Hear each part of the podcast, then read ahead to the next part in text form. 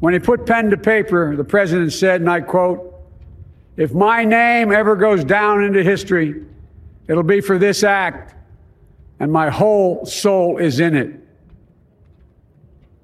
My whole soul is in it.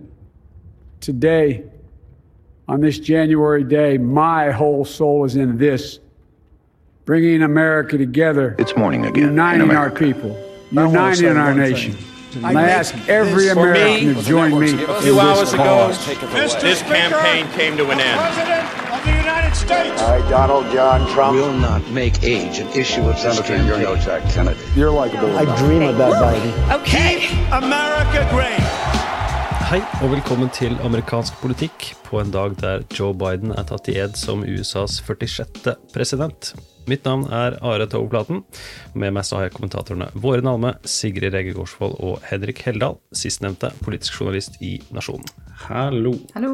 Hallo. Og Sigrid, du sitter jo da hos VG, der du har vært i flere timer og sparra med Anders Giæver, er det sånn du kan si det? Ja, vi har prøvd å spille på lag. Som Amerika. Som Amerika. Hvis Joe Biden kunne skapt litt enhet mellom meg og Anders Giæver, så hadde det vært fint. Det, jeg var innom så vidt, um, og da var det, var det kommentar om eh, kåpa til eh, Jill Biden, eh, og du fikk et eller annet spørsmål om det, og det, du bare sa det vil jeg ikke svare på, eller det, det gidder jeg ikke. Ja. Og Det syns jeg var veldig kult. Da gikk de bare videre til eh, Anders Giæver, som da begynte å snakke om fargen på kjolen under kåpa. Ja, så Anders Giæver fikk prøve seg som motejournalist. eh, og jeg skjønte etterpå at det kanskje ikke ble dritgod TV av at jeg sa jeg nekter, men det Lesson learned. Jeg syns det. Jeg syns det. Og Henrik, du har vært inne hos eh, Dagbladet en tur. Det stemmer. Det hadde vært eh, det var en eksplosjon i Madrid, og det var innsettelse, så det var jo helt kaos der inne eh, med alle slags ting de skulle styre med. Men uh, hyggelig å stå der og sjabbe litt før uh, innsettelsen til Kamala Harris. Og Joe Biden. Eh, Ja, vi varma opp til talen til Harris, det var det som var poenget. Men jeg så jo at Biden også ble, ble tatt i der, så han skal sikkert bli president. Jeg og Vårin har spilt inn en uh, Patrion-spesial litt tidligere, der vi tok for oss eh, Trumps siste dag som eh, president. Så det skal vi ikke snakke om i denne episoden her, men de som vil høre det, kan ta turen til patreon.com skråstrekk ampol. I, Joseph Robinette Biden Jr., do solemnly swear That I will faithfully execute that I will faithfully execute the office of President of the United States office of President of the United States. and will, to the best of my ability, Will to the best Joe Biden. USAs nye president. Hva syns dere om eh, talen hans? Ja.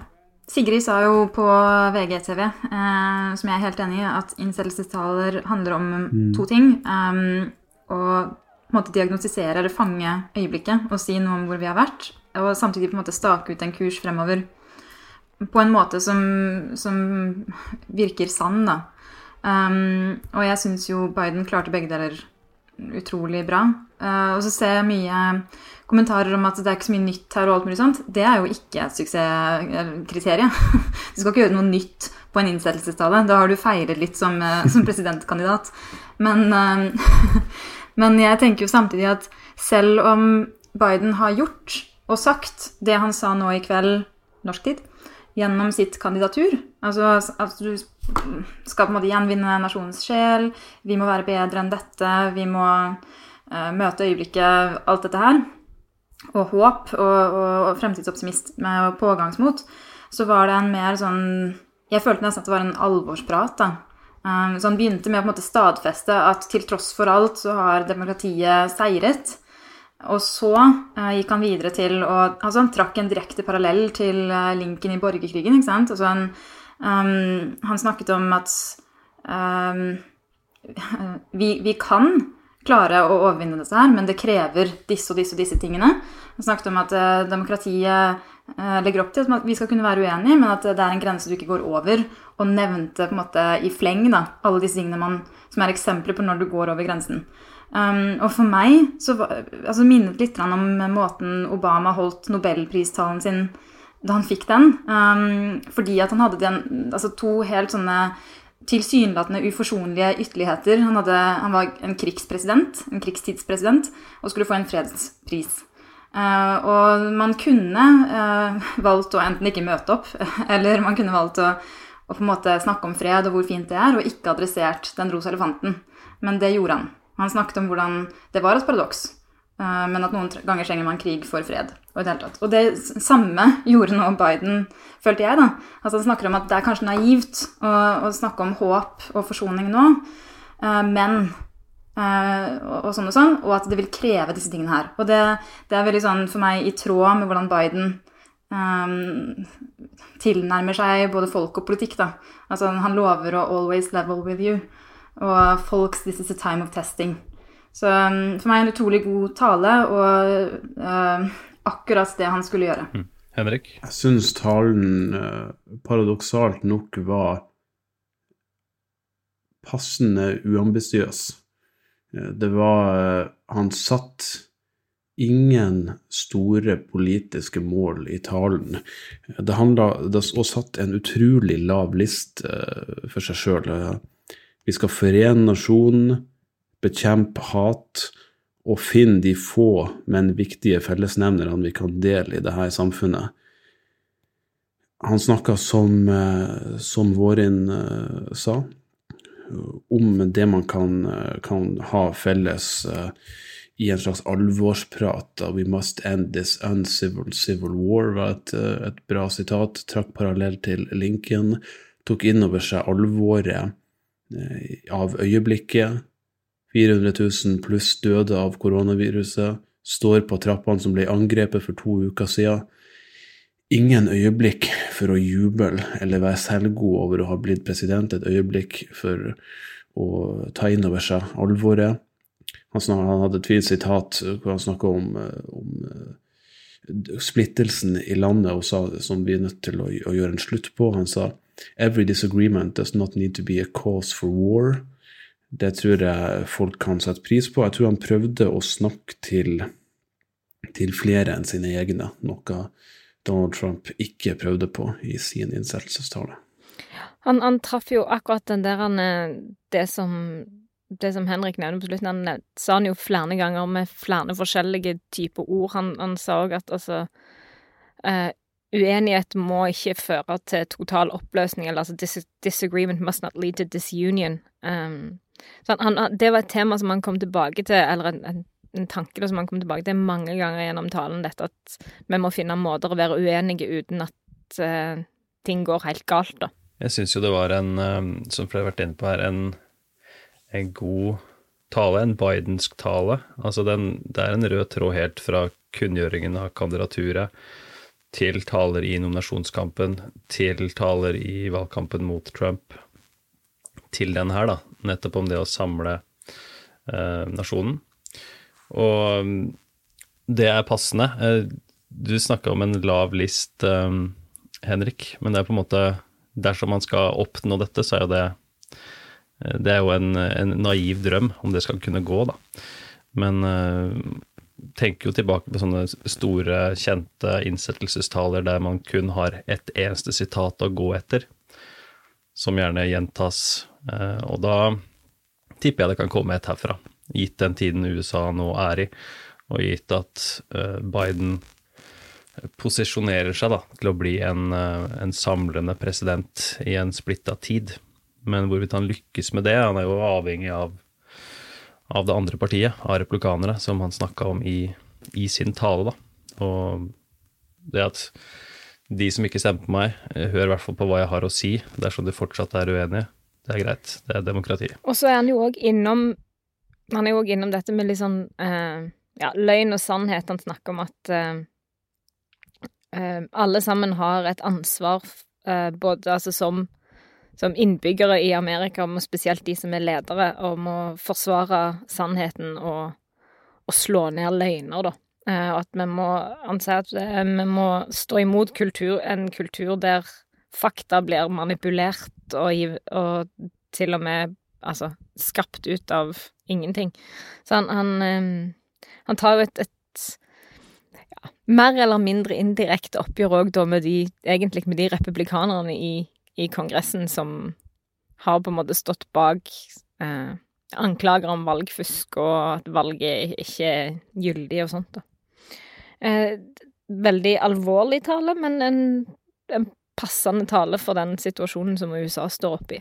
Jeg tenker at det her vil bli sett på som et veldig mørkt øyeblikk i amerikansk historie når man ser tilbake på det historisk, kanskje når man ser tilbake om 50 år. Det man vil se da, når man er i en situasjon hvor de aller fleste ikke levde i det her øyeblikket og ikke kunne sette seg inn i det, så tror jeg de vil legge merke til spesielt to ting. Det ene er selvfølgelig munnbindbruken. Over 400 000 døde på dette tidspunktet. Et tragisk øyeblikk i amerikansk politikk. De vil se at presidenten ikke er der grunnet en enorm splittelse. Kongressen blir storma i et utrolig mørkt kapittel som kommer til å se, som det jo var, ekstremt dramatisk og voldelig ut på de bildene som kommer til å gå i dokumentarene om flere tiår. Man kommer til å se, se på en høy arbeidsledighet. Man kommer til å tenke at det her var mørkere enn vi tenker at det er nå. Vi ser jo på en måte optimismen i det, og at USA finner en vei ut av det. Og det vil man jo ta for gitt når man ser tilbake på det om noen tiår. Men jeg tror det kommer til å virke veldig dramatisk med militærtilstedeværelsen rundt osv. Så, videre. så bombetrussel. Så jeg tror det kommer til å virke som veldig veldig dramatiske bilder når, når, folk ser tilbake på det. Ja, og det er det jo også når vi ser på det nå i, i sanntid. Og det å ha liksom flagg som erstatning for mennesker og et øyeblikks stillhet under innvielsestalen, ikke sant. Um, for ikke å snakke om alle disse munnbindene. Og så må jeg jo legge til altså at fra et norsk perspektiv så ser det jo helt vanvittig ut når alle disse amerikanerne flyr rundt og klemmer hverandre, selv om de har på seg De kan godt ha på seg to munnbind, men, nå, men det ser fremdeles helt sprøtt ut. At du skal ha så mange mennesker som, som ja, flyr rundt oppi hverandre, også innendørs etterpå. Um. Men, men, de som er i framtida og ser tilbake på det her, som ser at det er dramatisk, de kan ikke sette seg inn i hvor nummen vi er til alt som har skjedd, og hvor normalt det unormale er. Ja da, men samtidig så skal man ikke Altså, det er ikke Det er ikke ukjent for amerikanske politiske sammenstillinger at man får superspreader events. Uh, man skal ikke lenger tilbake enn til stormingen og til uh, inn uh, Altså da Amy, Amy Coney Barrett. Barrett ble tatt i ed og så videre. Så, er det Garth Brooks du tenker på her? Nei, jeg tenkte på, ja, jeg tenkte på Garth Brooks, men jeg tenker også Du ser jo alle disse politikerne. Kamala Harris klemte flere. Altså det, hun er jo ikke i kohort med så mange mennesker. Så, så det er åpenbart en sånn um, kulturforskjell der, da. Og det, det, og det, er det jo. Forskjell, altså forskjeller mellom disse landene. Uh, og vi begynte jo med maske mye senere enn amerikanere gjorde i Norge. Men allikevel, da. Allikevel. Og der nevnte vi Harris, som har skapt historie som USAs første kvinnelige visepresident. Biden, litt historie også. Tidenes eldste samt tidenes andre katolske. Det ble delt en uh, tittelmelding innad i redaksjonen om at uh, både Sør-Amerika og Nord-Amerika nå har katolske ledere fra helt til sør til helt til nord. Det er en uh, nyttig for konspirasjonsteoretikere der ute. For de har ikke hatt noe å gå på. Inkvisisjonen har endelig slått inn. endelig har konspirasjonsteoretikerne noe å snakke om. På tide. Men hva, hva tenker dere om uh, øyeblikket til, uh, til Harris? Altså, det er jo, det er jo historisk. Jeg, eh, jeg, registrerer at det er veldig mye damer i Twitter-feeden min som, som, er ekstremt emosjonelle. Jeg eh, kan ikke si at jeg liksom kjente det sånn. Jeg hadde nok trodd at jeg, jeg hadde trodd at jeg skulle liksom sitte og grine på VGTV, men det, jeg gjorde ikke det, da. det her er jo for oss og egentlig, man, hvis man igjen går frem og ser tilbake på det, en ren selvfølgelighet, og egentlig mer noe som det historiske med at det skjer så seint, ikke at det skjer. Og jeg tror ikke noen det er, ikke, det er, ikke, så Det er jo ikke revolusjonerende i det hele tatt å ha en uh, visepresident eller en, en, nest øverste uh, statsleder som er en, en, kvinne. Ikke i det hele tatt. Uh, selv ikke for mye mindre demokratiske land enn en USA. Så jeg, jeg, jeg sitter heller igjen med den tanken at det var på tide. Let's move on. Ja, men, eh, men, gitt den konteksten det kommer i, så er det selvsagt uh, av stor betydning. Og selv om uh, vi på ingen måte skal begynne å snakke om klær, så var det vel også bevisst fra, fra Harrisons side uh, at hun estetisk sender en referanse til Shirley Chisholm, som hadde bl.a. lilla som farge. Den første, som, den første kvinnelige presidentkandidaten hos Demokratene. Ja. Det går jo også igjen i hennes uh, valgkamplogo og materiell, lilla fargen. Ja, veldig mange som snakka om klærne til Bernie Sanders også, som satt der på stolen sin alene i enorme hansker og vinterjakke og så ut som han hadde nettopp vært på bussen her og på vei hjem fra jobb. På vei til posthuset, var det noen som sa? Han, han så ut som han var på vei til forelesning på mattnatt eh, på Gløshaugen på NTNU. Igjen, som- Allværsjakke og strikkavotter. Som Larry David har, har fått frem på SNL. Han er jo sånn professor som går med alle bøkene løst under, under hånda. Men, men bare for å Fordi jeg hadde Jeg satt og hadde lyst til å komme med i diskusjonen eh, til Sigrid og, og de andre i VGTV. Da det kom opp til stadighet dette spørsmålet om klær. Og for meg, da, så er det ikke sånn Du kan jo ikke det er ikke sånn at du ikke kan nevne klær i det hele tatt, men da må det jo være en eller annen grunn til det. Da må det jo være et eller annet spesielt eh, ved akkurat én persons Men det å ha som holdning at klær er en, et gjennomgangstema Dette er ikke en Oscar-utdeling. Dette er ikke et moteshow. Dette er en politisk maktoverføring. Så eh, for all del, kan kommentere på hvis det er en eller annen politisk statement, eller hvis det er betyr noe, den stilen man går med. Eh, Men at, å, å kommentere at Bill Clinton har på seg slips og sort frakk, det ser jeg ikke verdien av. Det samme, samme han hadde på seg under sin egen innsettelse, så det er jo sånn rød tråd gjennom det hele. Veldig symbolsk. Men altså, det er, jo, det, er jo, det er jo en mulighet som da kvinnelige politikere har, som mannlige politikere ikke har. Dette med at du kan på en måte sende denne typen ganske tydelige beskjeder med det du har på deg. Altså, det er jo sånn som Det ble jo litt snakk om at Nancy Pelosi hadde på seg det samme eh, nå sist, når hun sendte riksrettssaken mot Trump til Senatet, som hun hadde forrige gang. Og det er jo Selvfølgelig er det bevisst, sant, og det, det går det godt an å snakke om, men eh, det er ikke alltid at det blir snakka om på en intelligent måte, da. Nei, og det, altså det, for all del, det har jo vært noen slips opp igjennom også, som har vært verdt å snakke om. Det har vært så mye slips. Men hva heter han igjen? Eh, Mr. Slips under uh, 2020-nominasjonskampen. Å ja. Ja, han er Eh, millionæren. demokraten. Tom Steyer. Tom Steyer. Tom Tom Steyer, ja. Tom Steyer. Herregud. Jeg rydda forleden bort et handlenett jeg hadde liggende med Tom Steyer fra New Hampshire. Are, altså de mest absurde sånne, sånne morsomheter han henta Ja. med seg fra de her arrangementene. Det er morsomt når man tar det med seg hjem, og så ser man det senere og så Nei. var- Du får veldig fort vite hvem som er på en måte kindred spirits. da. Det er ikke så mange som tar den referansen. Nei, det er veldig få. Så du har ingen kindred spirits, det du finner ut av. Så det er egentlig ganske trist. Du er helt alene. Jeg må jo bare få si at i dag er kanskje liksom en av de få dagene som en får litt grann uttelling, da, for å ha fulgt veldig nøye med på Demok- Demokratene sin nominasjonsvalgkamp. Fordi at jeg klarte altså, når vi satt og så på denne her, altså film av alle disse politikerne som fant plassen sin, så klarte jeg å plukke ut ganske mange folk, selv om de hadde munnbind. Jeg bare Der er Eric Swalwell. Og Eric Swalwell er altså den mest generisk utseende hvite mannen i hele verden.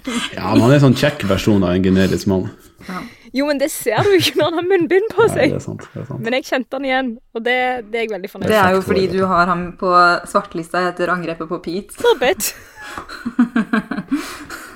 Vi kan jo, Hva syns du om eh, munnbindet på, på Pete Buttigieg da, Sigrid? Syns du det var litt lite, eller var det noen ører som stakk ut der? Eller er det, skal vi ikke kommentere det? Det så dritvondt ut. Det så ut som han, han var i smerte.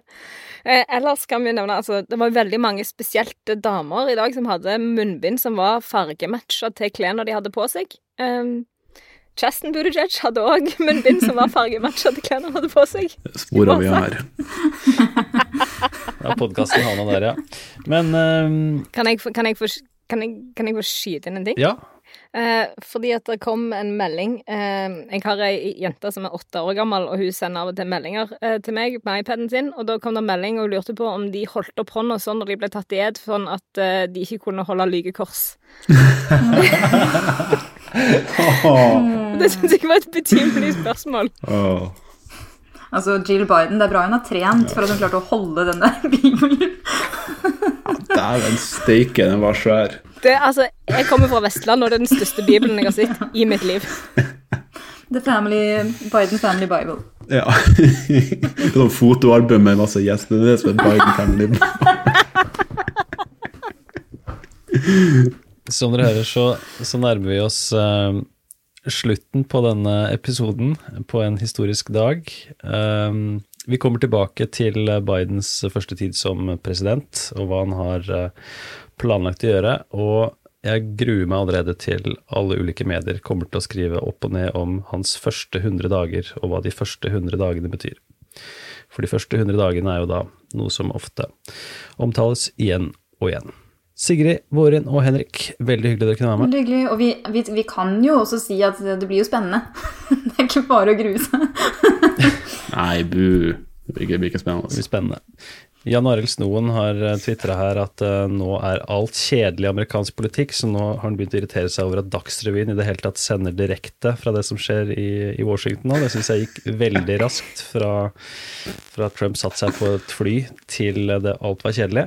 Men jeg tror nok ikke dette kommer til å bli så veldig kjedelig. Det er aldri kjedelig amerikansk politikk. Absolutt aldri. I hvert fall ikke i podkasten amerikansk politikk.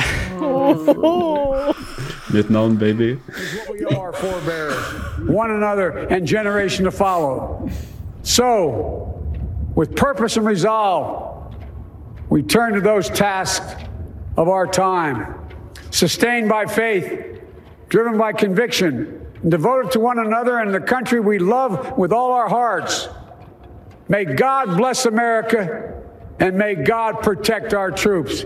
Thank you, America.